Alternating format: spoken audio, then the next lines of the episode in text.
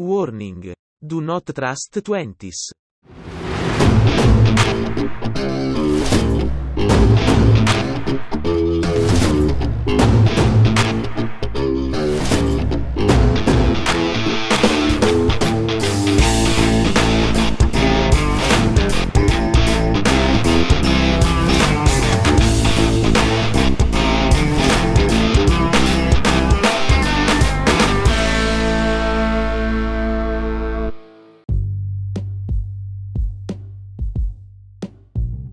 Ya, ha- halo semuanya. Eh, balik lagi di podcast Do Not Trust Twenties. Nama gue Andrika Prakasa.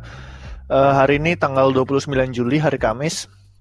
gue pengen ngelanjutin series, series atau bukan ya, bisa dibilang ya. Eh, jadi kemarin uh, gue udah ngebahas tentang cara bekerja permanen transfer di dalam pembukuan keuangan perusahaan klub bola gitu ya. Terus habis itu Nah, kayaknya gue mau ngelanjutin ngomongin hal seputar itu gitu, ngomongin finance di dunia sepak bola secara simpel aja gitu. Jadi nggak perlu yang ribet-ribet banget, nggak juga sampai dalam-dalam banget. Uh, dan hari ini uh, buat episode keduanya, buat series keduanya, itu gue tetap pengen ngomongin tentang permanen transfer, nggak jauh-jauh dari seputar permanen transfer masih. Tapi uh, kalau kemarin kita di permanen transfer itu kita ngomongin beneran biaya transfer pemain dari klub A ke klub B, Nah, sekarang tuh gue mau ngebahas uh, perintilan-perintilannya gitu. Kalau di dalam sebuah transfer uh, transaksi pemain itu kan apa biaya yang dikeluarkan itu kan pasti lebih banyak dibanding si transfer fee-nya itu sendiri. Jadi kalau kayak Sancho kemarin 85 juta dari Dortmund ke MU, tapi pasti sebenarnya transaksi secara keseluruhan itu biayanya lebih besar daripada si 85 juta euro itu. Nah, perintilan-perintilannya itu ada kayak misalnya agent fees, ada lagi add-ons, ada lagi nanti di kontrak-kontraknya itu banyak deh kayak buat yang uh, ada lagi sell on sell on clause gitu mungkin di beberapa pemain kalau ada. Nah mungkin hari ini gue bakal ngebahas uh, tentang apa ya tentang agent fees sama add-ons kali ya. Nah pertama ngomongin agent fees dulu, mumpung makin ke sini kayaknya football agent itu terutama football super agent itu jadi makin dikenal ya. Sekarang nama Mino Raiola itu tuh exposure-nya itu kayaknya udah lumayan gitu ya, udah setara gitu sama nama-nama nama-nama pemain bola gitu. Padahal kita sendiri nggak pernah lihat dia gitu kan di lapangannya. Dia bukan orang lapangan tapi di nama-nama orang sepak bola Mino Raiola ini exposure-nya mungkin ya udah selevel lah sama mereka pemain-pemain bola itu. Nah, uh, Mino Raiola ini uh, buat yang belum tahu adalah seorang agent sepak bola. Jadi dia me, apa ya? Dia itu mewakili, dia itu mewakili uh, si pemain bola dalam urusan manajemen. Jadi kan pemain bola ini uh, selain harus bekerja di atas lapangan, bekerja tanda kutip ya. Itu kan dia juga harus mengurusi kerjaan lainnya di luar lapangan kan. Nah itu semua karena nggak mungkin si pemain yang ngurusin, akhirnya diuruslah sama si football football agent ini sebenarnya kerjaan football agent itu ngapain? Mungkin yang bisa gue breakdown yang pertama itu football agent itu kerjanya negosiasi. Jadi dia negosiasi kontrak, negosiasi gaji tuh. Jadi pemain ini pertama misalnya mau dipinjemin itu kan butuh negosiasi pemain ini uh, mau ditransfer pemain ini pemain muda gitu ya di youth team abis itu mau dipromote ke first team. Nah itu kan semua butuh negosiasi butuh kontrak ulang terus abis itu kalau dia tetap nggak pindah klub tapi di klub yang sama dia mau kontrak renewal diperbaharui kontraknya itu juga butuh negosiasi lagi perbaharuan gaji. Nah itu semua negosiasi dilakukan oleh si uh, football agentnya itu itu yang pertama. Terus yang kedua dia juga ngurusin urusan sponsorship si pemain. Nah, urusan sponsorship si pemain, jadi si agent ini mesti ngerti, mesti tahu beneran market value pemain gue, klien gue itu sebenarnya berapa duit gitu.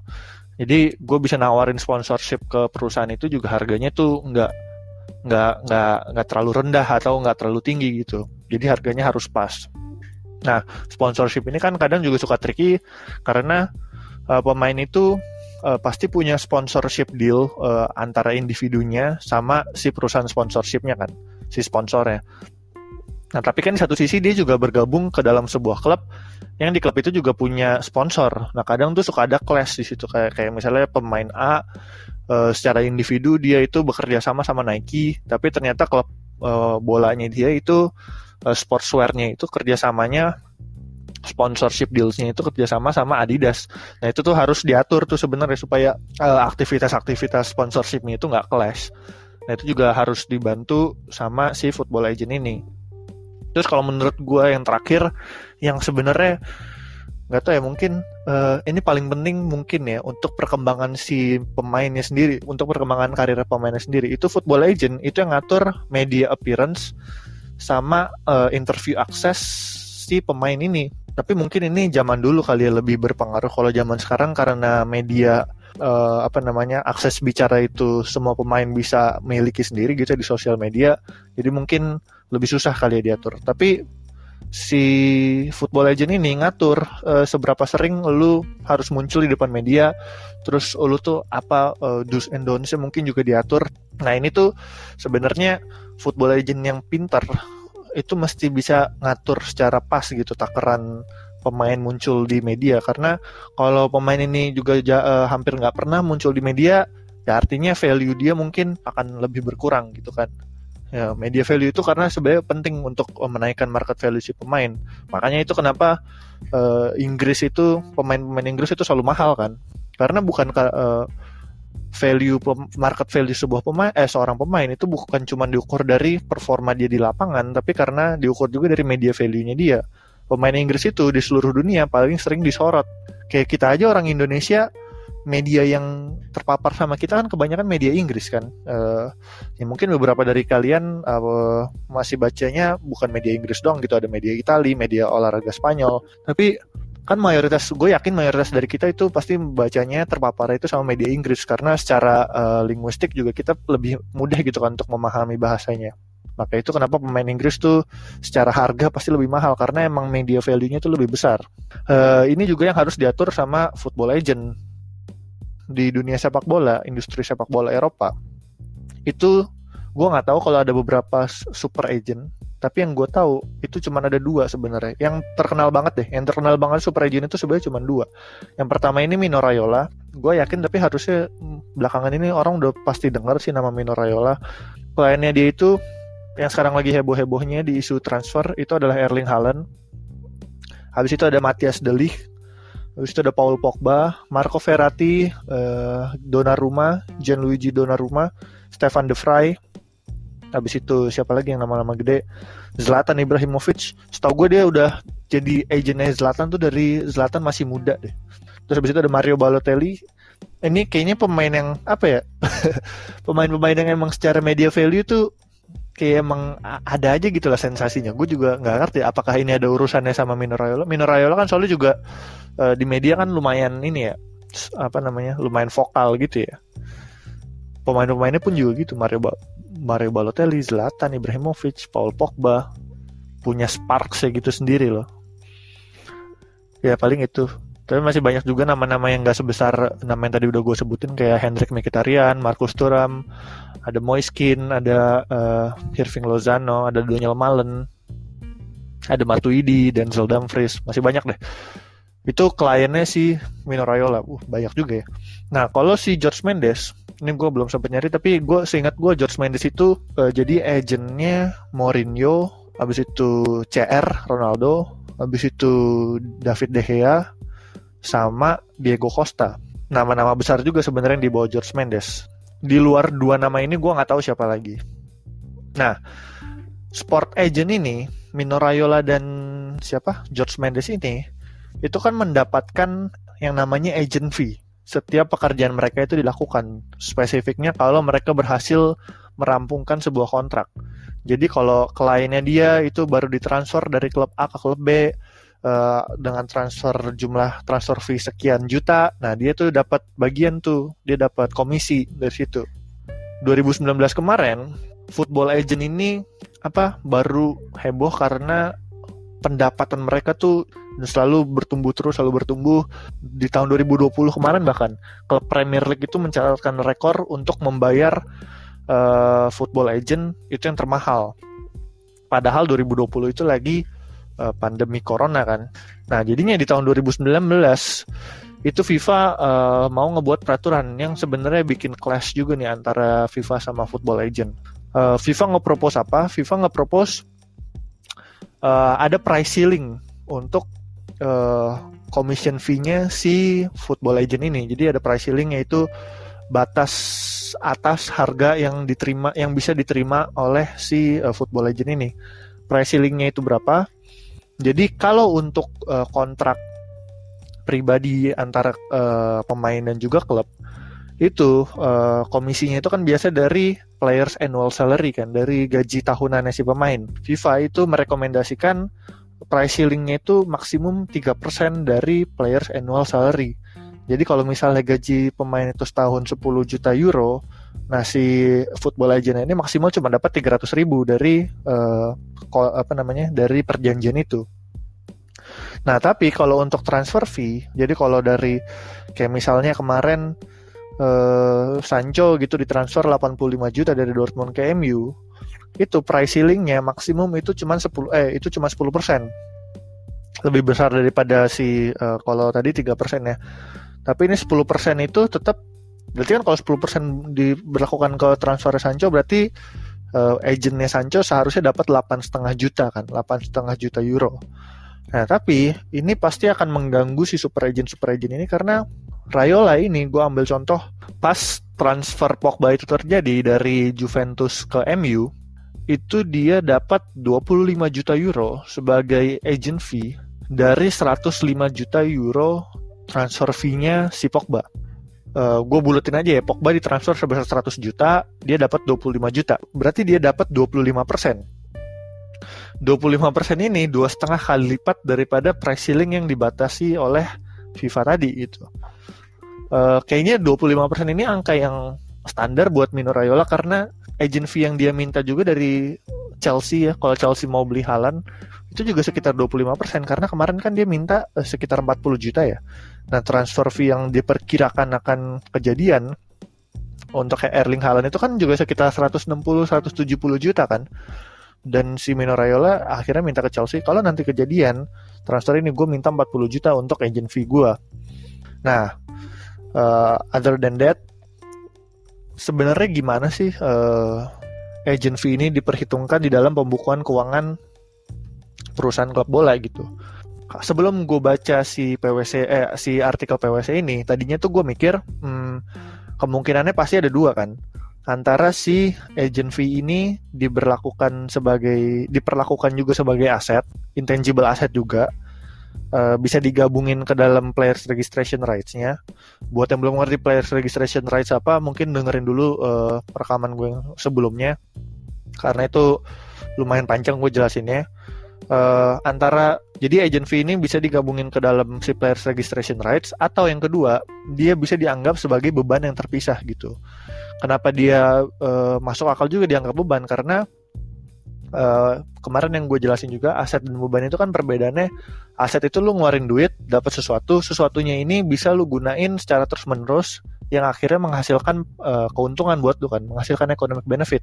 Sementara kalau beban lu tuh membayar dan udah kelar gitu karena benefit yang lu terima tuh udah selesai atau cuman one off take aja gitu kayak cuman sekali lu bayar terus lu dapat benefitnya udah selesai nggak bisa menghasilkan benefit uh, secara terus menerus ke depannya.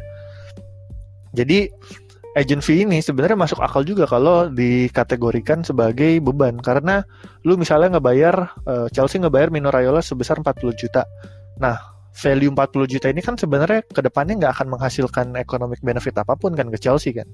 Jadi si hasil kerjanya Mino Raiola ini ya udah kelar di saat proses transfer halan itu terjadi aja. Nah, sementara kalau si 150 170 juta ya kita sebut 160 deh tengah-tengahnya. 160 juta halan misalnya Chelsea jadi beli Halan sebesar 160 juta, 160 juta ini kan dianggap sebagai aset dengan anggapan value 160 juta ini atau si Halan ini kemudian ke depannya bisa menghasilkan keuntungan atau economic benefit buat Chelsea selama ta bertahun-tahun ke depan. Halan bisa bawa uh, bisa menangin Chelsea Trophy yang akhirnya menghasilkan Chelsea duit tambahan, uh, menang hadiah uh, kompetisi. Terus habis itu Halan juga bisa sebagai materi uh, media gitu ya uh, untuk dimasukin sponsor ke dalam si Halan ini. Halan pakai baju uh, yang ada sponsornya itu juga Chelsea bisa dapat duit dari situ. Terus yang ujung-ujungnya Halan ini bisa dijual lagi sama Chelsea kan ke depannya beberapa tahun ke depan Chelsea bisa jual lagi Halan terus Chelsea bisa dapetin duit dari situ jadi masuk akal kalau Halan ini dianggap sebagai aset karena bisa menghasilkan economic benefit di tahun-tahun ke depannya untuk Chelsea nah tapi setelah gue baca artikel dari PwC ini agent fees itu dianggap sebagai aset yang digabungin sama registration rights jadi ini uh, berbeda dari dugaan gue di sini dibilang agent fees are incurred in connection with the acquisition of the player's registration rights which are classified as an intangible asset. Argumennya menurut PwC bilang uh, agent fee itu dianggap sebagai intangible asset karena they are directly attributable to preparing the asset for its intended use. Jadi kata kunci di situ. Dan menurut gue ini setelah gue baca ini logiknya juga masuk. Jadi cost-nya itu directly attributable. Gimana ya? Oke, gue kasih uh, perumpamaan aja misalnya kayak gini. Misalnya lu uh, punya bisnis, terus lu punya kantor. Habis itu di kantor lu ini butuh wifi. Terus habis itu lu akhirnya beli router wifi dong. Uh, misalnya lu beli router wifi harganya satu juta. Ya udah nih, lu beli si router wifi-nya itu barangnya itu sebesar satu juta. Nah tapi abis itu lu nggak bisa dong masang wifi-nya ini uh, routernya ini akhirnya lu sambungin ke internet nih lu nggak bisa gitu karena lu nggak punya keahlian ya akhirnya lu minta tolong lagi ke si perusahaan uh, wifi-nya ini router wifi-nya ini untuk minta bantuan masangin si router wifi ini di kantor lu Uh, mungkin ada beberapa yang free, tapi mungkin ada beberapa perusahaan yang ngecharge lagi gitu kan, installation fee, biaya instalasi. Uh, jadi misalnya uh, untuk memasang si router wifi ini di kantor lu dikenakan biaya instalasi sebesar 200 ribu misalnya gitu. Nah akhirnya yang lu bayar kan 1,2 juta kan.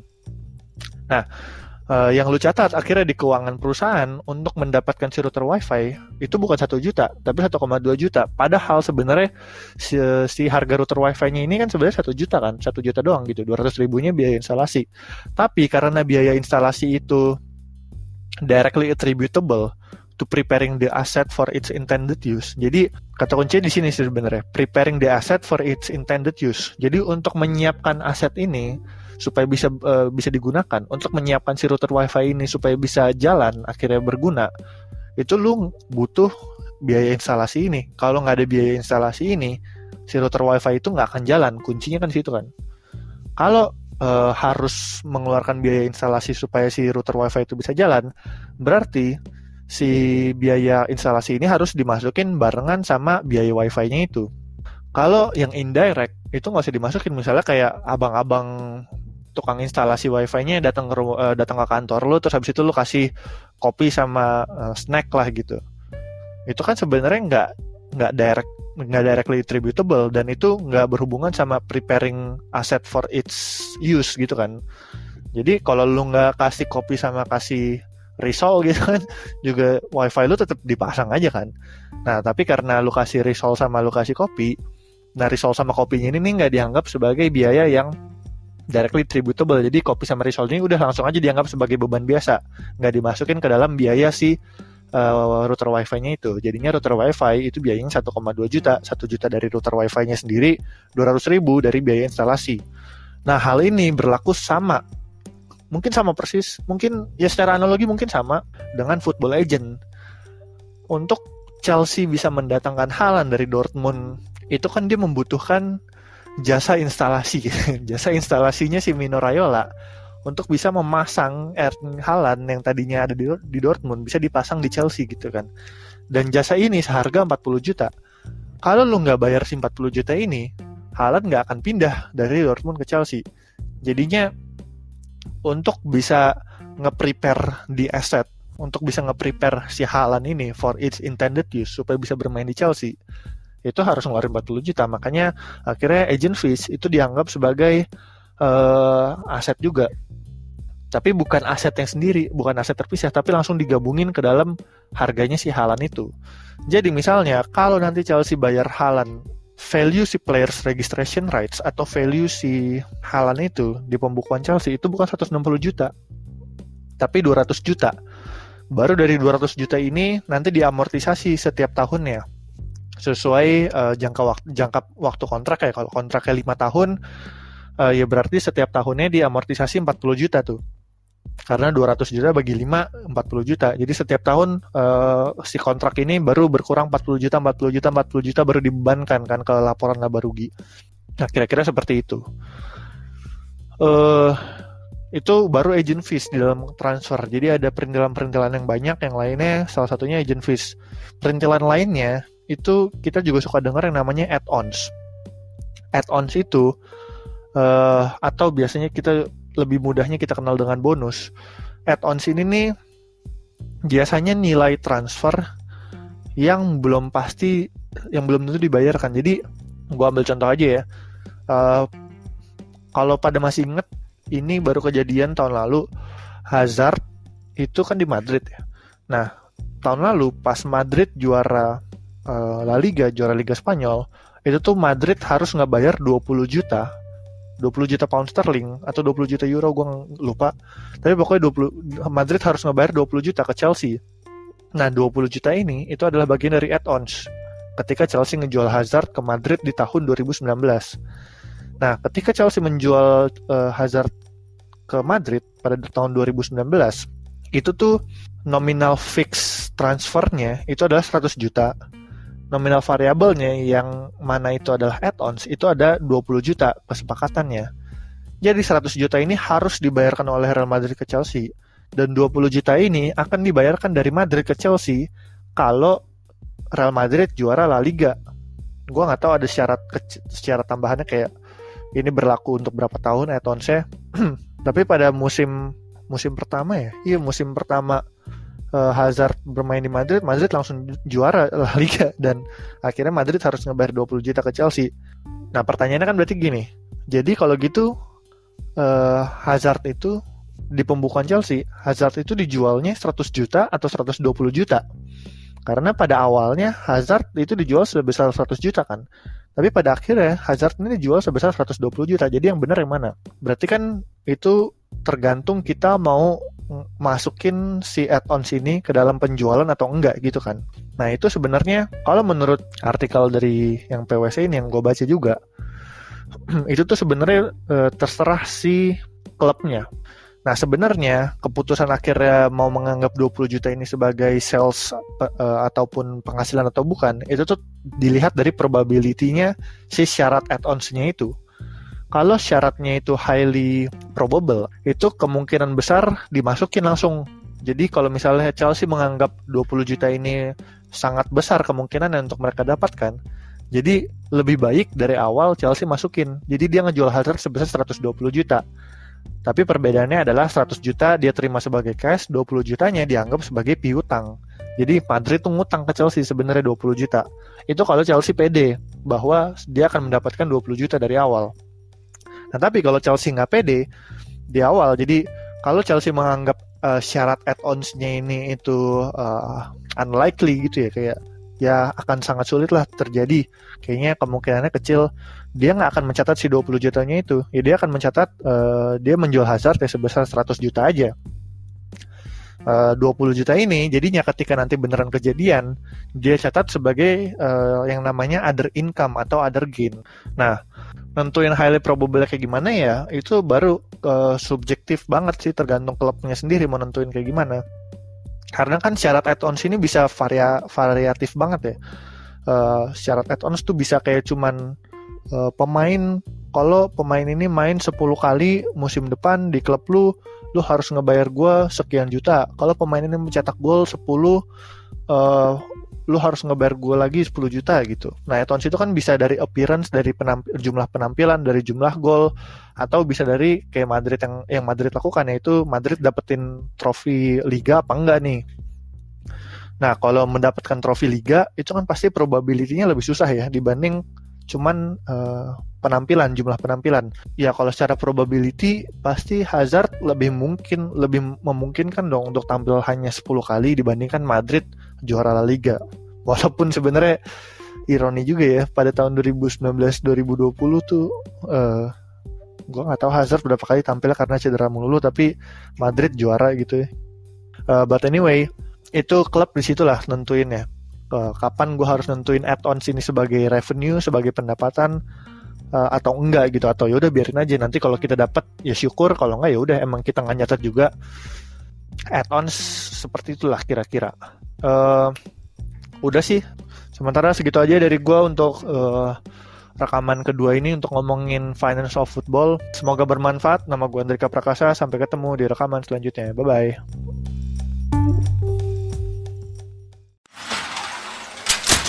Warning. Do not trust twenties.